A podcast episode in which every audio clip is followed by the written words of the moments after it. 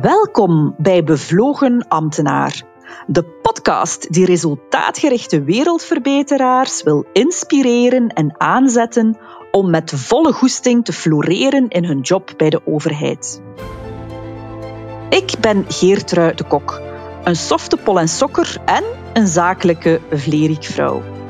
Dus net als een bevlogen ambtenaar ben ik een resultaatgericht wereldverbeteraar. Al ruim tien jaar mag ik als extern procesbegeleider bakens verzetten samen met de meest fantastische ambtenaren. Bij allerlei overheden en openbare instellingen breng ik frisse inzichten en maak ik ruimte voor bevlogenheid. Zo won mijn klant, de stad Gent bijvoorbeeld, de prijs van de Verenigde Naties voor Climate Change Action met speciale vermelding voor het participatieve karakter van het project. En ik ben daar best wel fier op, want precies daarvoor huren klanten mij doorgaans in.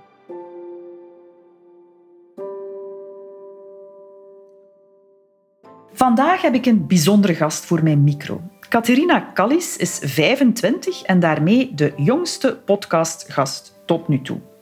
Ze werkt al vijf jaar, jawel, ook al is ze nog maar 25, bij de FOD Financiën. Ze is dus federaal ambtenaar. Als bij toeval kwam ze daar terecht en wat blijkt, er schuilt een echte bevlogen ambtenaar in Catharina. Ze vindt haar goesting bij die overheid en haar bevlogenheid in het bijdragen voor dat algemeen en dat groter belang. Haar verhaal is heel bijzonder. Het is een verhaal van beperkingen, maar van beperkingen ombuigen tot opportuniteiten. Van een berg voor jou zien en van die stap voor stap te beklimmen. Ze neemt ons mee naar welke stappen zij genomen heeft en hoe haar verhaal uiteindelijk, ik ging bijna zeggen, geëindigd is, maar het is helemaal niet geëindigd. Het is nog maar het begin, maar hoe het vijf jaar later er helemaal anders uitziet dan toen ze destijds bij de overheid begon. Het is een bescheiden mevrouw, een bescheiden madame die zich nog elke dag afvraagt en twijfelt: wie ben ik en wat doe ik hier? Maar er schuilt zoveel doorzettingsvermogen en zoveel koppigheid achter deze madame. We gaan er nog van horen. Ze vertelde ons dat, ze, dat wij elkaar zijn tegengekomen bij een virtuele koffie. Dat zijn halfuurtjes die ik regelmatig in mijn agenda vrijmaak om in gesprek te gaan met bevlogen ambtenaren. Misschien kan ik iets betekenen voor jou, misschien zit je met iets, heb je een vraag, bots je ergens tegen. In de show notes vind je een link naar een, uh, naar een Calendly-afsprakenlijst uh, en daar kan je heb ik weer een aantal koffietjes ter beschikking gesteld. Dus wil jij ook eens met mij in gesprek gaan, boek dan zeker en vast jouw virtueel koffietje. Tot slot geef ik nog mee dat Catharina met een heel bijzonder project bezig is, waar ze echt mee het verschil gaat maken voor steden en gemeenten. En ben jij van een stad of een gemeente, misschien is dit wel je kans om mee te doen aan dit project. Ik wens jou alvast heel veel luisterplezier met Catharina Callis. Ik heb hier vandaag bij mij Catharina. Catharina Callis die werkt bij de federale overheid. En Catharina, vertel eens, we hebben elkaar op een heel bijzondere manier leren kennen. Dat klopt, we hebben elkaar leren kennen tijdens de webinar vorig jaar met Petra de Sutter. Ja, dus dat was een webinar die we toen organiseerden met de vraag van wat heeft een bevlogen ambtenaar nodig om bevlogen te blijven, net toen zij uh, minister van Ambtenarenzaken werd. En hoe ben jij daar dan terechtgekomen? Ik kreeg eigenlijk heel toevallig een uh, mail in mijn inbox van de bevlogen ambtenaar. En uh, toen ik dat las, dacht ik van... Oké, okay, ik ben een bevlogen ambtenaar, dit is iets voor mij. Dus... Ja, voilà. En dus jij was op die webinar. En, en toen? Want er waren nog veel mensen op die webinar. En ik heb die niet allemaal zo goed als jou leren kennen. Hè? Ik was eigenlijk heel geïnspireerd geraakt tijdens de webinar, zowel als u als door Petra de Sutter. En op het einde dacht ik van, hier mag het niet stoppen. Ik wil ook nog een babbeltje, ik wil nog iets zeggen. Um, maar daar kreeg ik de kans niet meer toe. Um, maar ik had ook opgevangen dat, uh, dat ik breaks kon plannen met u. En meteen na de webinar heb ik dan zo op de kalender een uh, slot gezocht om breaks te plannen. Voilà. Dus Catharina en ik hebben elkaar leren kennen op de virtuele koffies. Die zijn bij mij ontstaan uh, tijdens corona. Een beetje uit frustratie, omdat ik geen mens niet meer tegenkwam. Dus heb ik dat maar virtueel gedaan. En zo zie je maar, uit een beperking kunnen er hele mooie dingen ontstaan. Want Catharina zat voor mij aan de Zoom aan de andere kant en ik was helemaal geïnspireerd. Het was heel duidelijk wederzijds. Vertel eens, Catharina, je hebt een heel specifiek verhaal. Je bent niet zomaar bij de overheid terechtgekomen. Vertel eens. Ik ben eigenlijk uh, generatiestudent. En vertel eens, wat is dat generatiestudent? Een generatiestudent is eigenlijk uh, iemand die als eerste in de familie de stap zet naar het hoger onderwijs. Ja, dus jouw ouders die hebben niet kunnen studeren? Nee, dat klopt. Nee. En, en vertel eens, van, van waar komen die dan? Of hoe, hoe, hoe komt dat? Mijn grootouders zijn in de vorige eeuw naar België verhuisd om in de steenkoolmijnen te werken. Mijn ouders zijn dan hier wel geboren, maar hebben dan nooit de volledige integratie gehad. We hebben ook geen rolmodel gehad. Ja, dus jij had eigenlijk ook in jouw familie of jouw omgeving niemand die studeerde, dus je had zelf eigenlijk ook geen rolmodel. Nee. nee. En toch, en toch hè, het feit dat wij hier nu samen zitten, je bent zo iemand die niet opgeeft. Hè? Catharina, vertel een keer. Ik voel van kleins af aan dat ik ehm, meer in mijn mars heb dan dat ik altijd heb willen geloven. En het feit dat ik generatiestudent ben of was, um, maakte dat niet gemakkelijker. Ehm, maar ik heb altijd geweten van ik wil een verschil maken voor in onze maatschappij. En naar het einde van het middelbaar toe zat ik echt in de knoop en ik dacht, wat moet ik hier eigenlijk gaan doen? Ik had geen voorbeeld. Um, wij hadden ook je, zat ook in de Latijnse, dus het is niet dat je dan direct als in, een beroep kon beginnen of zo. Nee, dat komt er ook nog eens bij. Dus uh, ik heb al mijn jaren Latijn gedaan en daarna ja, kun je niet zomaar eender beroep beginnen. Um, dus er was, er, waren, er was geen mogelijkheid na het zesde middelbaar om nog verder te studeren. Die middelen waren er niet. Nee, nee, dat klopt. Oké. En toen? Toen moest ik noodgedwongen op zoek naar een job. Um, in die tijd voelde dat heel vreemd, omdat al mijn andere uh, ja, vrienden uh, natuurlijk naar de universiteit gingen of naar de hogeschool. Uh, dat was een hele rare overgangsperiode toen na het middelbaar. Uh, maar goed, ik ben dan beginnen zoeken naar een job. En zo ben ik eigenlijk toevallig terechtgekomen op een startbaanovereenkomst bij de FOD Financiën. Voilà. En het was ook, allee, je hebt echt ook echt gezocht ook naar die job. Hè. Je vertelde mij in het voorgesprek van er waren 800 vacatures of zoiets. Of, allee, het was, of je hebt 800 keer gesolliciteerd. Het was niet zomaar simpel dat je, dat, zijt, uh, dat je daar terecht bent gekomen. Nee, net omdat ik Latijn heb gestudeerd, kon ik heel moeilijk uh, een job vinden. Maar um, dan uh, vertelden ze mij van ja, je kunt eigenlijk niks. Of ga maar gewoon ergens aan, achter de kassa zitten of zo. Ik dacht van nee, dat wil ik niet. Dus dan heb ik op een avond inderdaad 850 vacatures doorlopen. Een klein beetje wanhopig. En zo ben ik dan op die startbaanovereenkomst uh, uitgekomen. Voilà, dus een, een startbaan of zoiets. Hè? Ja. ja. Dus gewoon de overheid die dan kansen geeft aan mensen om werkervaring op te doen. Ja, ja, inderdaad. En dus toen kwam je al bij de FOD Financiën terecht. Ja. Dus hoe, hoe, oud was je dan? 19? 19. 19, ja. ja. Dus vers van de middelbare school bij de FOD Financiën. En dan denk je van, oh my god, zo'n een, een frisse, jonge verschijning bij de overheid. Uh, hoe was dat dan? Moeilijk en heel bevreemdend, want um, ik was toen de jongste in heel het gebouw zelfs waar dat ik werkte. En als je van het middelbaar komt, is dat heel raar om dan meteen te werken met volwassenen die al een gezin hebben, die al een leven hebben. Ja, dus was aanpassen. Mm -hmm. Maar ik heb daar ook veel opgestoken. Je bent daar ook bevlogen ambtenaren tegengekomen. Ja. ja. En dus dat was een contract van een jaar, maar je, het is niet gestopt bij dat jaar. Wel, tijdens dat jaar kreeg ik steeds meer het gevoel van de overheid, dat ligt mij wel. Ik kan hier iets mee, ik kan hier iets betekenen.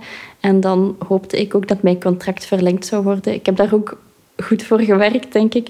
Um, en als dat, als dat jaar um, voorbij was, dan kreeg ik het goede nieuws dat ik mocht blijven. Oké. Okay. En als je zegt, ik had daar hard voor gewerkt, had je zoiets van, zo die gedrevenheid van, ik wil hier gewoon blijven en ik ga er alles aan doen om hier te kunnen blijven? Ja, ik deed super hard mijn best om in het kantoor mee te draaien. Ja. ik deed soms zelfs extra werk. En wat moest je doen? Welk, in welke job kwam je terecht? Uh, dat was destijds op het hypotheekkantoor in Hasselt. En uh, mijn taak bestond eruit om notariële akten, verkoopakten, huwelijksakten, uh, te analyseren en de gegevens in onze systemen te plaatsen in te geven. Ja. En zo iemand van 19 jaar die kan zich daarmee motiveren. Uh, wel, dat was enorm saai, maar uh, de motivatie daarachter was... één, ja, ik had die job nodig, maar twee, ik wist dat het belangrijk was voor onze burger. Dat, dat besef had ik toen al. Want als je die notariële actes binnenkrijgt, dan zie je echt ja, die en die persoon. En soms kreeg ik actes van mensen die ik in het echt ooit ontmoet heb, die ik echt kende. En dan kwam het besef van, ik doe hier echt iets belangrijk. Ja, voilà, voilà. Zo echt al direct voelen van, die een job bij de overheid, dat is niet zomaar, dat is zo... Dat, dat gemeenschappelijk belang, wat dat je eigenlijk ook al direct dreef. Ja, ja. Mooi. En dan, dan kon je blijven, maar dat was dat dan in diezelfde job? Of ben je, je bent dan rap ook wel doorgegroeid, hè? Uh, dat is ook waar. Ik ben dan nog tien maanden gebleven en dan voelde ik van, oké, dat was interessant. Ik heb veel geleerd, maar dat is toch niet mijn droomjob. Um, ik heb meer afwisseling nodig en dan um, ook toevallig. Ik heb eigenlijk heel veel geluk gehad.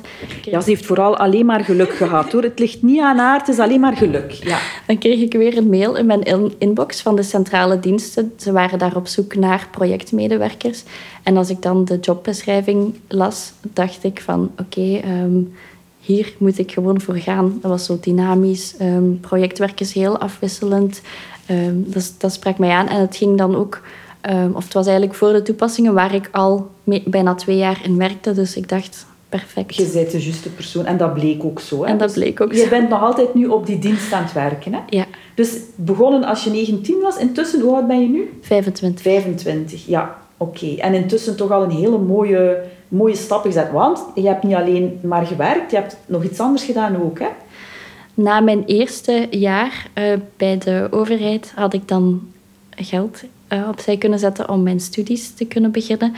Uh, en dan heb ik mij daar ook achter gezet. En ik ben eerst begonnen met wijsbegeerte, maar na een jaar besefte ik van... Hmm, ik doe toch liever iets anders. En dan tot nu eigenlijk heb ik informatica gedaan. Ja, voilà. En je studeert af, heb je mij gezegd, hè? Ja, dit jaar, dit jaar studeer ik af. Yes. Dus de generatiestudent met diploma, Catharina. Ja, dat voelt enorm goed om dat zo te mogen zeggen. Amai, dat zal wel. Chic. Ik ben echt uh, ongelooflijk fier op u. En de reden waarom dat ik u zo graag hier voor mijn micro haal, dat is het, is echt, het was echt wel niet gemakkelijk. Hè. Je hebt het niet zomaar allemaal in je schoot geworpen gekregen. Maar kun je een keer aan de luisteraars vertellen zo van, waar heb je die moed gehaald langs de ene kant, maar langs de andere kant ook, hoe doe je dat dan zo in kleine stapjes en, en, en hoe grijpt je kansen? Kunt je ons daar wat over inspireren? Ja, dat is natuurlijk een heel zwaar en moeilijk traject geweest. En soms is het dan nog altijd, omdat bepaalde herinneringen natuurlijk altijd bijblijven. En hoewel dat ik er nu mee kan lachen, um, als ik erover moet vertellen, dan voelt het raar om te beseffen van oké, dat was mijn verhaal. Um, en hoe bedoel je raar? Alsof dat iemand anders zijn verhaal is of zo?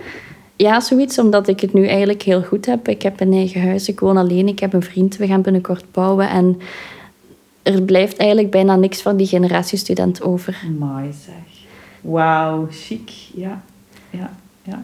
En dus waar nu achteraf gezien is het allemaal, uh, uh, hoe zegt Nelson Mandela dan, uh, in the end, of, of everything seems impossible until it's done. Hè? Zo van, maar het was wel, het leek wel impossible. Hè? Het was echt wel een Kilimanjaro die, die voor u stond. Hè?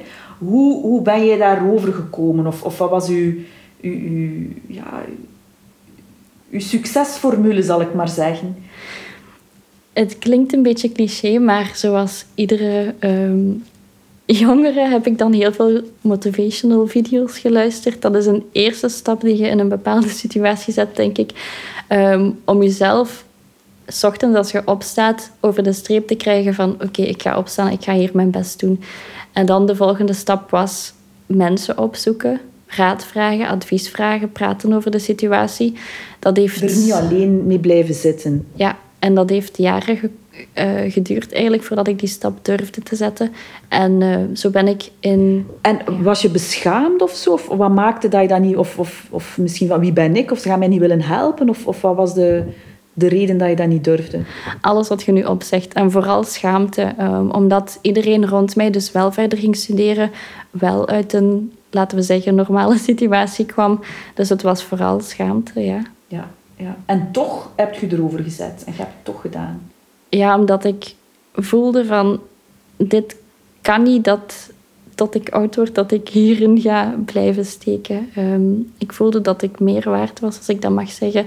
Ehm, en dat was een van de belangrijkste zaken, dat, dat ik voor mezelf kon zeggen van ik ga hierover, ik moet hierover. Ja, ja. En ben je dan ook zo op die job, en je kwam dan in die job, ben je dan ook mensen tegengekomen die je konden motiveren? Of, of hoe, hoe, was dat dan? Ja, ik ben intussen ehm, een aantal collega's tegengekomen die mij hebben geïnspireerd. En ik heb een aantal kunnen overtuigen om mee in mijn huidige dienst te komen werken. En nu vormen wij een hecht innoverend team. Um, innovatieteam bedoel ik. Ehm, ja, misschien moet je een keer... Wacht, ik zou nog een paar, zo nog een paar tips willen. En dan ben ik benieuwd om ons, dat je ons, ons vertelt wat dat je nu eigenlijk doet. Zo die, die, die moed bij elkaar krijgen. Zo kleine stapjes. Kan je zo nog een paar voorbeelden geven van, van kleine stapjes? Ik heb ehm, in een schriftje eigenlijk altijd bijgehouden. En dat heet zo van die affirmaties. En daarin schrijf ik van ik ben wel slim of ik ben wel goed of ik ben het waard. En die zeg ik dan, of die heb ik een tijd lang elke dag opgezegd. Totdat ik het voelde, totdat ik het geloofde. Ehm, dat is iets dat mij heeft geholpen. Ja, dat is eentje. Ja. En ook zo, wat ik heel erg herken, of, of in jou, dat is zo die kansen grijpen. Hè? Want je bent naar die webinar met Petra de Sutter gekomen. Je had even kunnen zeggen van, wie ben ik om naar die webinar te komen? Je hebt dan een koffietje geboekt. Hè? Je had ook kunnen zeggen van, wie ben ik om een koffietje te boeken? Ik ben mega blij dat je dat gedaan hebt. Maar zo, het zijn echt de kleine dingen die zich voordoen waar je dan ja op zegt. Is het een soort van ja-mindset, of hoe zou je dat noemen? Ja, het is niet dat mijn angsten volledig voorbij zijn. En het is niet dat ik niet meer twijfel. Ik twijfel elke dag nog van wie ben en, en, wat doe ik hier eigenlijk.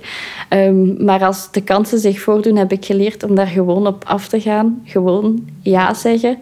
Um, want de tijd gaat helaas heel snel voorbij. En wat dat uw keuze ook is om ermee te doen, de tijd gaat voort. Dus uh, ik heb geleerd om dan gewoon de kansen te grijpen wanneer ze zich voordoen. Ja, voilà, het is dat. En dan, we hadden dan ons virtueel koffietje. Hè? En dat was zo direct zo...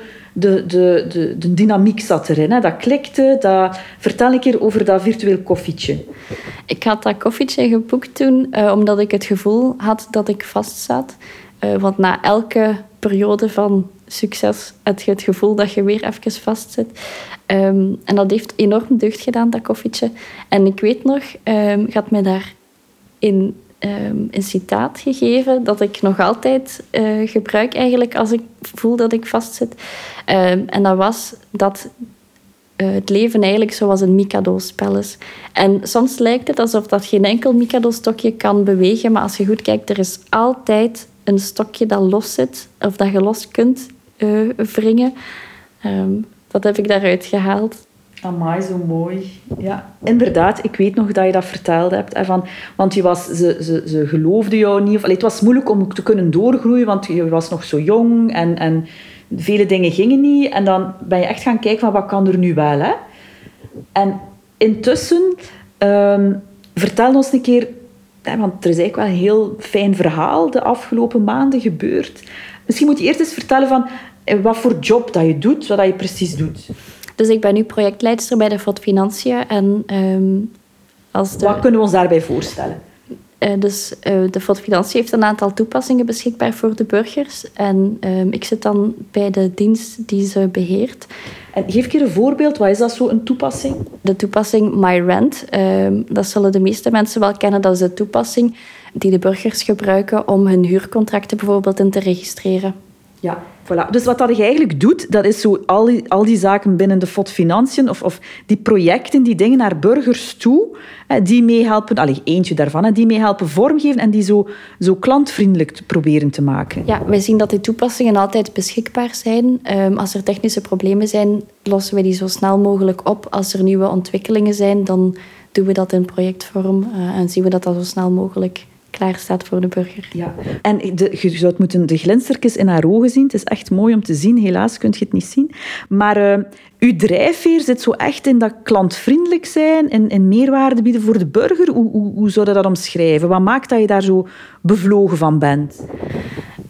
Ik voel echt een lichte branden van binnen. Um, dat mij zegt van uh, klantvriendelijkheid en uh, de burger eigenlijk um, ervoor zijn voor de burger. Ik voel dat heel hard dat dat iets dat mij, dat, dat mij drijft, dat dat mijn passie is. Ook deels omdat ik zie dat een heel groot deel van de burgers bijvoorbeeld financieel niet de middelen hebben. En dan herken ik mij daarin. Of dat bijvoorbeeld heel veel burgers nog niet digitaal mee zijn met onze diensten. En dan herken ik daar mijn familie weer in. Dus ik denk dan vaak de link. Um, en dat drijft mij weer om onze diensten te optimaliseren, toegankelijker te maken. En je kan je dan voorstellen van wat betekent dat dan digitaal niet zo goed mee zijn? Je kunt je daar gewoon veel meer bij voorstellen, omdat je dat weet dat dat bij jouw familie ook het geval is. Omdat ik dat zelf heb gezien. Voilà. Um, ja. Voilà, voilà, ja. En dus vandaar zo echt die drijfveer, die gedrevenheid. Mooi. En dus het gaat echt over dat... Intussen um, heb je ook je diploma misschien. Welk diploma heb je nu gehaald? Um, ik studeer dit jaar af um, in programmeren. Ja, dus um, de generatiestudent met het diploma, hè, programmeren, yes. Dus dat wil zeggen met digitaal, uh, digitaal bezig zijn. Hè, dus dat gaat ook over digitale toepassingen op jouw werk en die digitale toepassingen toegankelijker maken. En onlangs is er iets heel interessants gebeurd. Vertel eens. Wel, in maart was er een interne hackathon bij ons Ehm, bij onze administratie. En ik heb daar... Leg een keer uit voor de mensen die niet weten wat dat is, een hackathon. Een hackathon is normaal gezien een event van twee of drie dagen waarin dat verschillende teams ehm, samenkomen. En dat zijn kleine teams van vier tot zes personen, uh, die dan rond een thema een oplossing bedenken. Een digitale oplossing? Niet per se, maar dat was... Um, de hackathon waar ik in maart aan meedeed, was dat wel zo. Ja. Dus een, een oplossing voor een probleem waar dat jij, waarvan dat jij weet, mijn klanten die, die botsen daartegen, tegen dat probleem. Ik wil daar iets rond bedenken. En je had dat vorig jaar ook al gedaan, dacht ik, zo'n hackathon? Um, in 2018 had ik dat nog eens gedaan. Ja, en dat was een toffe ervaring, maar meer niet. Dat was een heel toffe ervaring en daar had ik ook weer een boost gekregen um, om naar die innovatie te streven. Maar helaas mochten wij toen uh, ons proefproject niet voortzetten. Oké. Dus maar zo, wat ik daar zo boeiend aan vind, Catharina, dat is... Er is zo'n hackathon en je springt daarop. Je kunt dat even goed laten passeren, maar je ziet die kans en je springt daarop. En je hebt dat in 2018 gedaan en eigenlijk was dat een beetje teleurstellend, want je had een toepassing ontwikkeld, maar je mocht die niet uitwerken. Maar in plaats van bij de pakken te blijven zitten en te denken van, wat doe jij dan? Uh, doorgaan natuurlijk. Want in 2018, we hadden dan dat proefproject en we waren zo dichtbij. En ik dacht, ik ga het hier niet bij laten. Dus bij de eerstvolgende hackathon uh, had ik me natuurlijk opnieuw ingeschreven met het idee van, ik ga dat hier winnen en ik ga iets uh, ontwikkelen. En toen? Wel, um, ik kan heel makkelijk zeggen en toen, maar het was een lastig traject van mm -hmm. weken dat ik met mijn team dan heb um, doorgemaakt. Maar toen zijn we en ook, in, en ook Maar toen zijn we dus gewonnen. Hè? Maar dus ook in corona en dat team. En, en vertel een keer hoe, hoe lastig, in welke zin en, en hoe zette je dan toch door? Wel, ten eerste, alles was online, dus je kunt al geen uh, klik maken met de nieuwe collega's waar dat je een team mee vormt. Je, ziet ze hoogstens op de camera. En als je samen wilt spreken, we waren met tien, uh, de verbinding was dan ook altijd slecht. Dus het was heel moeilijk om die eerste klik te maken. Uh, maar je merkte snel dat iedereen die aan die hackathon meedoet, heeft dezelfde motivatie. En al snel vormden wij wel een hechte groep en we wisten van oké, we hebben hier één doel en we gaan hier een oplossing bedenken voor dat thema. En dat hebben we dan samen, ondanks de moeilijkheden tijdens de coronaperiode, hebben we dat samen ook ja, dus dat waren collega's die je nog niet per se kende. Die, dat team, was, dat waren niet mensen die je helemaal samen had gesteld. Nee, um, we waren samengezet op... Um, dat was eigenlijk op keuze van thema. Dus iedereen die voor een bepaald thema heeft gekozen, werd samengezet. En ik kende nog niemand van het team. Nee. Dus voor je netwerk is dat ook echt heel interessant. Je hebt nu weer heel veel nieuwe mensen leren. Weer nieuwe bevlogen ambtenaren, Catharina. Ja, voilà. En vertel eens, wat hebben jullie bedacht? Ik ben zeer trots om te mogen aankondigen Uh, aankondigen is misschien een groot woord, maar wij hebben zitten uh, werken aan de virtuele afstandsloketten. Dus dat klinkt voor sommigen al bekend in de oren, want uh, de politie Karma in Genk heeft dat ook al. Ja, en vertel eens, zo een virtueel afstandsloket, wat is dat? Het klinkt afstandelijk, maar het is de bedoeling dat dat niet zo is, hè? Het is alles behalve afstandelijk. Het is zo dat wij willen dat er in gemeentes een loket komt. Dus er is wel nog een fysiek loket, maar in die fysieke ruimte staat er dan een hele installatie waar de burger eigenlijk in contact kan komen met een van onze medewerkers. En een hele installatie, daarmee bedoel ik, daar staat dus effectief een scherm waarin dat de medewerker van de FOD Financiën een hologram te zien is. Mhm. Dus het blijft nog altijd een afstandsloket, maar de burger heeft nog altijd zijn fysieke verplaatsing naar een echt loket, maar het lijkt alsof dat hij in het echt dat, dat contact heeft. En hij spreekt ook met een mens en hij moet niet op knopjes duwen, of toch? Nee, de burger zelf moet helemaal niks doen. Het is zo toegankelijk mogelijk ontworpen. Van het moment dat de burger binnenstapt, komt hij eigenlijk al in contact met onze medewerker. Ja. En je hebt ook nog een, een specifieke oproep, hè, Catharina? Ja, het is zo dat wij nog op zoek zijn naar gemeentes, uh, gemeentebesturen die eventueel mee het loket zouden willen testen. En waarom zou een gemeente meedoen? Wat is het voordeel van zo'n gemeente, voor zo'n gemeente? Um, tijdens de coronaperiode hebben wij ook uh, veel opgevangen eigenlijk dat, dat er nog een groot aantal burgers zijn die naar de gemeentes of OCMW stappen met vragen die eigenlijk bedoeld zijn voor de FOD Financiën. En vaak is dat voor de Belastingendienst. Dat zorgt voor overlast natuurlijk uh, bij de gemeentes en OCMW. En um, dat virtueel loket kan daar al uh, een groot deel van de vragen opvangen en dat ze dan meteen bij de FOD Financiën terechtkomen. Mensen die zich nu geroepen voelen, wat moeten ze doen? Een mailtje sturen naar Catharina www.kalis.minfin.vet.be. Ja, ik zal de, het e-mailadres van Catharina ook in de show notes zetten. Dus gemeente die zich aangesproken voelt, uh, mail zeker. Hè? En je krijgt er de bevlogen Catharina bij. Hoe mooi. Het is echt. Het is jammer dat dit hier geen video is, want het is echt mooi om, uh, om jou te zien zitten stralen als je de, over dat project spreekt. Mag ik nog iets toevoegen aan ja. dat project? Hetgeen dat het project extra mooi maakt, is dat wij willen benadrukken dat het loket ook niet alleen toegankelijk is, maar inclusief. Dus we gaan het ook zo goed mogelijk afstellen op mensen met een beperking, bijvoorbeeld een auditieve of een um, visuele beperking. Ja. Dus echt alle burgers stappen mee, kunnen bij ons terecht. Ja, amai, mooi. Heel, heel mooi. Super. Ja. Dus vijf jaar geleden had jij nog die die Kilimanjaro voor u, die een berg, van hoe ga ik daar hier over geraken als je nu zo terugkijkt? Wat zijn zo de, de, de dingen waarvan dat je zegt van daar ben ik echt fier op of dat is iets dat ik zou willen meegeven aan de luisteraar, dat is iets wat ik zo uit mijn ervaring ja, wil meegeven? Wel, die berg blijft natuurlijk een berg. Die lost niet uh, van de ene dag op de andere op. Uh, maar het belangrijkste is dat welke hindernis dat er ook voor u staat, als je weet wat je einddoel is en als je weet voor jezelf dat dat echt is waar je naartoe wilt, gewoon blijven doorgaan hoe moeilijk het ook is, mhm. hoe zwaar het ook lijkt. Hoe, hoe wist jij dat, dat daarvoor was dat je het wou doen? Ik heb dat altijd gevoeld. Ik kan zo niet meteen een goed antwoord geven. Dat is een roeping, denk ik. Intuïtie ook voor een deel. Ja, ja. Misschien ook een beetje koppig? Zeker. Ja, ook een beetje koppig. Want al jong begonnen, als je twaalf bent, dat je dan per se Latijn wil doen, dat was waarschijnlijk ook niet voor de hand liggend. Vermoedelijk hadden uh, uw ouders een ander pad voor ogen voor u, maar jij wou toch Latijn doen. Zo doorzetten al vanaf. Ja, dus die, dat zit er natuurlijk ook wel in. Hè. Maar ook wel onderweg mensen tegenkomen, kansen grijpen. Kansen grijpen en gewoon als er hulp is, die ook aannemen. Niet koppig zijn en zeggen van ik heb het niet nodig. Soms heb je het wel nodig. Ehm, neem het aan en doe er dan ook iets mee. Ja, ja. Mooi. Heb je zo nog een ultieme tip voor de luisteraar? Als er zo één iets is dat je hen uit je ervaring wil meegeven, wat zou dat dan zijn als bevlogen ambtenaar?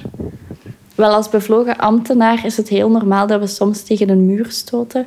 Eh, maar dan is het belangrijk om het hoofd koel te houden, om even stil te staan en te beseffen van waar ben ik mee bezig, waar wil ik naartoe en welk Mikado stokje ligt los. Oh, zo mooi. Dankjewel, Catharina. Ik hoop dat je veel replies krijgt van gemeenten die aan dit fantastisch project willen meedoen. En doe goed voort. Hè. Over een paar jaar, of misschien zelfs niet zo lang, spreken wij opnieuw af. Ik ben benieuwd wat dat je dan allemaal gaat eh, uitgestoken hebben. Ik ben ervan overtuigd. Heel mooie dingen.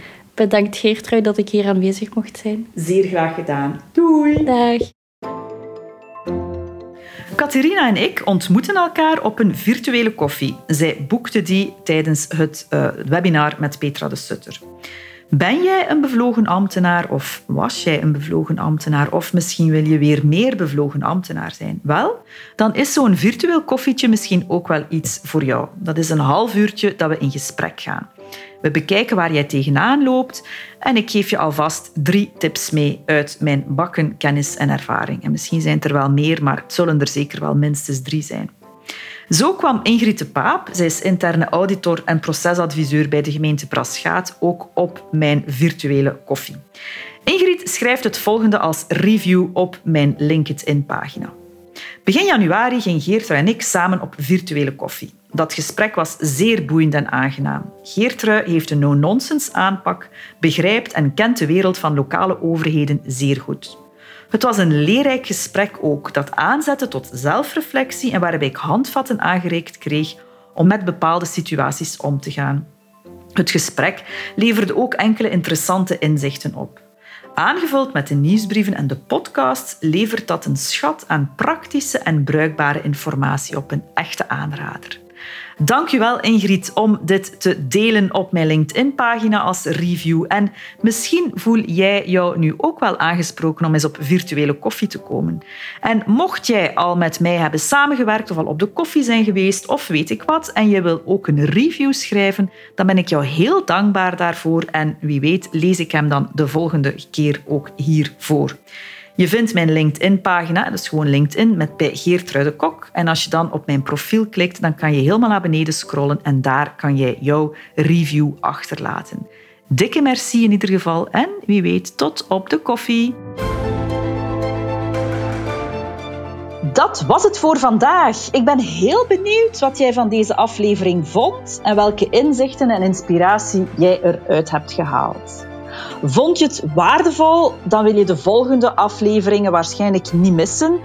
En dan kan je je abonneren op de podcast in iTunes, Spotify of Google Podcasts. Luister je via Apple, dan maak je mij heel blij door een review te schrijven over deze podcast. Wat je ook kan doen, is hem gewoon doorsturen naar jouw collega's, bevlogen ambtenaren, die er volgens jou ook echt iets aan zouden hebben. En wist je trouwens dat Bevlogen Ambtenaar ook een gratis nieuwsbrief heeft? Surf naar www.bevlogenambtenaar.be en op de homepage vind je de knop om je te abonneren. Tot de volgende!